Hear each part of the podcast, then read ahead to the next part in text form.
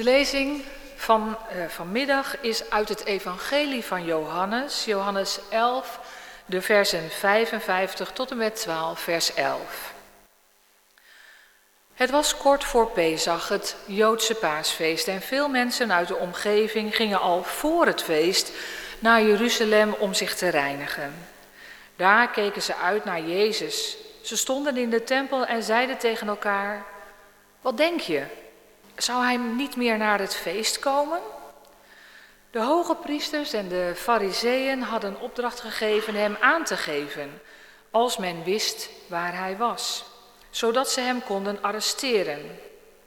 Zes dagen voor Pesach ging Jezus naar Betanië, naar Lazarus, die hij uit de dood had opgewekt. Daar hield men ter ere van hem een maaltijd. Martha bediende en Lazarus was een van de mensen die met hem aanlagen.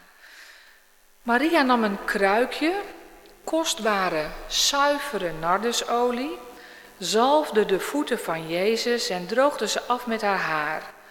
De geur van de olie trok door het hele huis. Judas Iscariot, een van de leerlingen, diegene die hem zou uitleveren, vroeg: Waarom is die olie niet voor 300 denari verkocht om het geld aan de armen te geven? Dat zei hij niet omdat hij zich om de armen bekommerde. Hij was een dief, hij beheerde de kas en stal eruit. Maar Jezus zei: Laat haar. Ze doet dit voor de dag van mijn begrafenis. De armen zijn immers altijd bij jullie, maar ik niet. Intussen hadden de Joden gehoord dat Jezus daar was en ze gingen in grote getalen naar hem toe. Niet alleen om hemzelf, maar ook om Lazarus te zien die hij uit de dood had opgewekt. De hoge priesters beraamden intussen een plan om ook Lazarus te doden, omdat hij er de oorzaak van was dat veel Joden bij Jezus kwamen en in hem gingen geloven. Hier eindigt de evangelielezing. Wat is van waarde? Door een bepaalde gebeurtenis in je leven kan ineens blijken wat van werkelijke waarde is. Van de ene op de andere dag is het leven van mensen in Oekraïne veranderd. Wat doe je als jouw leven en dat van degene die je lief hebt gevaar loopt? Het is op alle fronten, en we maken het nu al een hele tijd mee, indrukwekkend wat daar gebeurt. En ik denk terug aan die dertien grenswachten, waarvan tien officiers die op 24 februari de beslissing van hun leven moeten nemen. Op een vrijgegeven audiofragment is te horen hoe de Russische marine via de radio de grenswachten toespreekt en hun vraagt zich over te geven. Dit is een Russisch schip. Ik stel voor dat jullie je wapens inleveren en capituleren. Zo niet, dan zal ik het vuur openen. Hebben jullie dat begrepen? Aan de andere kant van de radio is zachtjes te horen dat de Oekraïense grenswachten met elkaar overleggen. En ze zeggen dan: Dit is het dan. En dan vervolgen ze met: Zal ik zeggen dat hij de kleren kan krijgen? Dat vraagt hij aan een collega. Hij draait aan de volumeknop en laat de Russen luid en duidelijk weten: krijg de kleren. Alle dertien grenswachten worden vermoord. Ze zijn symbool geworden voor het heldhaftig verzet tegen de Russische invasie. Dit is het dan, gedenkwaardige woorden. Gezinnen op de vlucht. We hebben ze gezien met niets, alleen hun leven, hun kinderen, hun kostbaarste bezit. Wat is van waarde?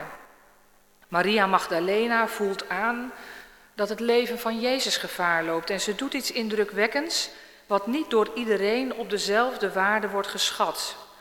Ik zag een schilderij en ik heb een afbeelding daarvan meegenomen. Ik hoop dat u dat een beetje kunt zien. Je ziet op dit schilderij Maria aan de voeten van Jezus. En ik vind het eerlijk gezegd ontroerend mooi omdat het zoveel liefde uitstraalt. Maria aan de voeten van Jezus, handen die nog even vasthouden, omdat het nog kan. Geurende olie en een liefdevolle hand van Jezus op haar hoofd. Overweldigende liefde. Maria, als je in het verhaal kruipt, vond dat Jezus er vermoeid uitzag. Ze zag de lijnen in zijn gezicht en de wallen onder zijn ogen, maar toen Jezus haar zag, lichten zijn ogen op. Maria, fijn om je te zien, zei hij. Ik ben blij dat u er bent, Heer, zei ze. Het is alweer zo lang geleden. Ze wist dat hij lange tijd uit de buurt van Jeruzalem gebleven was. Het was te gevaarlijk voor hem. De Joodse leiders wilden hem doden. Ik maak me zorgen, zei Maria. Jezus glimlachte en schudde langzaam zijn hoofd. Maak je geen zorgen. Mijn leven is in de hand van mijn vader. Maar de manier waarop hij het zegt verraadt de spanning. Net alsof het een verborgen boodschap is. Er trekt een rilling door Maria heen. Als ze samen naar de woonkamer lopen. Er zal iets vreselijk fout gaan. Ze voelt het. Het gaat tegen alle logica van de mensen in. Zo net hadden ze Jezus nog als een koning binnengehaald. De verwachtingen zijn hoog gespannen. Het zal alleen heel anders zijn dan de meesten denken. Maria weet het gewoon. Ze heeft een soort zesde zintuig, een bang voorgevoel. Er gaat iets ergs gebeuren met Jezus. Maria voelt dat goed aan. Jezus zelf weet, ik ben op weg naar Jeruzalem. Ik ben op weg naar mijn arrestatie. Ik ben op weg naar een bewuste dood. Hij spreekt er openlijk over met zijn leerlingen, maar niemand wil hem geloven. Alleen Maria voelt het aan. En daarom doet ze iets heel bijzonders. De enige passende actie. Ze komt met een daad van overweldigende liefde. Niets is te kostbaar. Niets is op dit moment te overdreven. Je hart wil dat je geeft. Alles geeft. Dat doet Maria als ze Jezus zalft met die zeer kostbare, zuivere nardusolie. Daarmee geeft ze alles wat ze heeft aan Jezus. Als ze hem ziet binnenkomen, weet ze gewoon, binnenkort zal Jezus sterven. Waarom? Hoe? Is dat Gods plan? Maria heeft geen idee. Maar dit weet ze wel. Jezus is mijn alles. En dus geef ik hem alles wat ik heb. Alles wat ik heb als uitdrukking van mijn overweldigende liefde. Die olie was niet het meest kostbare wat Maria gaf. Waar je schat is, daar zal ook je hart zijn, had Jezus al eens eerder gezegd. Het kostbaarste wat Maria geeft, is haar hart. Dus breekt ze de hals van het flesje. Ik heb een soort kruikje meegenomen. Ze breekt de hals van het flesje spontaan eraf. En ze giet de hele inhoud over de voeten van Jezus uit. Ze stopt niet halverwege, maar laat de parfum echt rijkelijk vloeien tot de laatste druppel, zodat de olie de voeten van Jezus bereikt. En dan doet Maria nog iets heel aparts. Ze maakt haar haar los en droogt de voeten van Jezus ermee af. Voor Maria maakt het allemaal niets meer uit. Ze wil niets achterhouden. Al haar liefde gaat uit naar Jezus. Het gaat om dit moment. Niet iedereen kan deze liefde op waarde schatten. Judas vindt het heel overdreven en verkwisting. Beter om het aan de armen te geven. Het is voor hem zelfs reden om met Jezus te kappen. Hij vindt Jezus niet meer te volgen en zal hem verraden met een kus. Maar Jezus zegt: Laat haar met rust. Waarom vallen jullie haar lastig? Ze heeft iets goeds voor mij gedaan. Zijn zij heeft mijn lichaam nu al met olie gebalsemd. Dat heeft ze gedaan met het oog op mijn begrafenis. Over Maria van Magdala gaan allerlei verhalen de ronde. Ze wordt beschreven als iemand die iets dwangmatigs had, iets mateloos ook. Bezeten door zeven boze geesten heet het. Dat wil zeggen van top tot teen, helemaal volledig. Maar dat is afgelopen als ze Jezus heeft ontmoet. Die geeft haar als het ware terug aan zichzelf. En sindsdien was ze niet meer bij hem weg te slaan. Ze leefde in een huishouden met haar broer Lazarus en haar zusje Martha. Lazarus die ziek was en stierf, maar die door Jezus ook aan het leven werd teruggegeven. En Martha, die bij een bezoek van Jezus de hele tijd aan het redderen en regelen is en voortdurend opspringt om het gezellig te houden en daarvoor berispt wordt. Ze kan beter ook even rustig gaan zitten en luisteren naar wat Jezus te vertellen heeft. Hoe kwam ze aan die dure olie, gespaard misschien voor een onverhoopt overlijden als teken van respect en liefde, was het de gewoonte een geliefde dode te balsemen. Wat Maria doet met haar grootste gebaar is de dood aan de orde stellen. Waar de leerlingen van Jezus alleen maar de verspilling zien, herkent Jezus zelf de diepere bedoeling. Maria stelt de dood aan de orde. Zij durft dat te doen, daar waar anderen die weigeren onder ogen te zien. Ze balsemt hem alvast, voor als hij zal zijn gestorven, betoont aan hem haar liefde, tot in de dood. Misschien is dat wat wij van haar kunnen leren. Dat zij iemand is die de dood aan de orde durft te stellen. Iets wat wij meestal niet zo graag doen of durven. Meestal wuiven we de dood een beetje weg, net zoals de leerlingen. En dankzij de medische wetenschap is daar gelukkig ook vaak reden toe. Er is vaak nog heel veel te doen en heel veel mogelijk aan behandelingen. De dood kan vaak nog een tijd worden uitgesteld of worden voorkomen.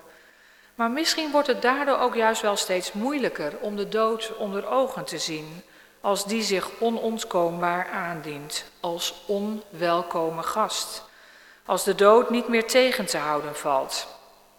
En wat kan het dan fijn zijn als er mensen zijn die het er wel over durven te hebben, in alle voorzichtigheid en kwetsbaarheid, als eventuele angst niet wordt weggepoetst en onzekerheid en verdriet er gewoon mogen zijn. Als iemand je bij wijze van spreken balsemt, nog voordat je gestorven bent. Liefde en respect aan je betoont naar lichaam en ziel tot het bittere eind. De intentie van het gebaar van Maria is eigenlijk nog bijzonderder dan het bedrag waar die olie voor staat. De leerlingen vinden dat moeilijk te verdragen en moeilijk te aanvaarden.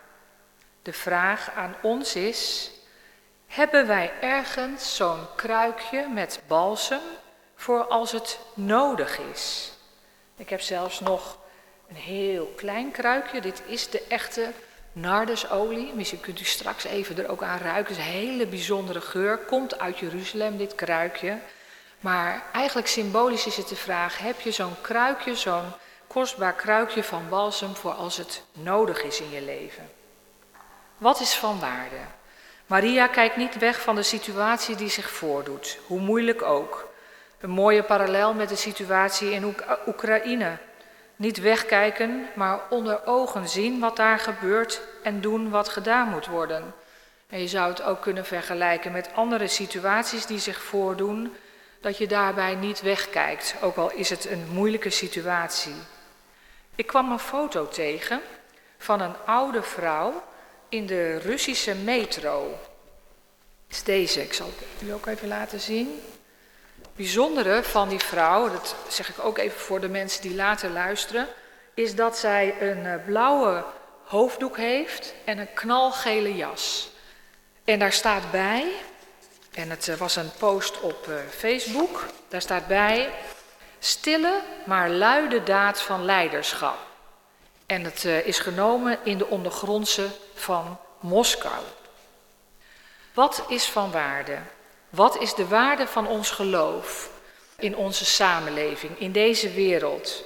Hoe kunnen wij net als Maria en die Russische vrouw niet wegkijken van wat er gebeurt om ons heen? En dat kan ook gewoon een situatie zijn die zich in je nabije omgeving voordoet.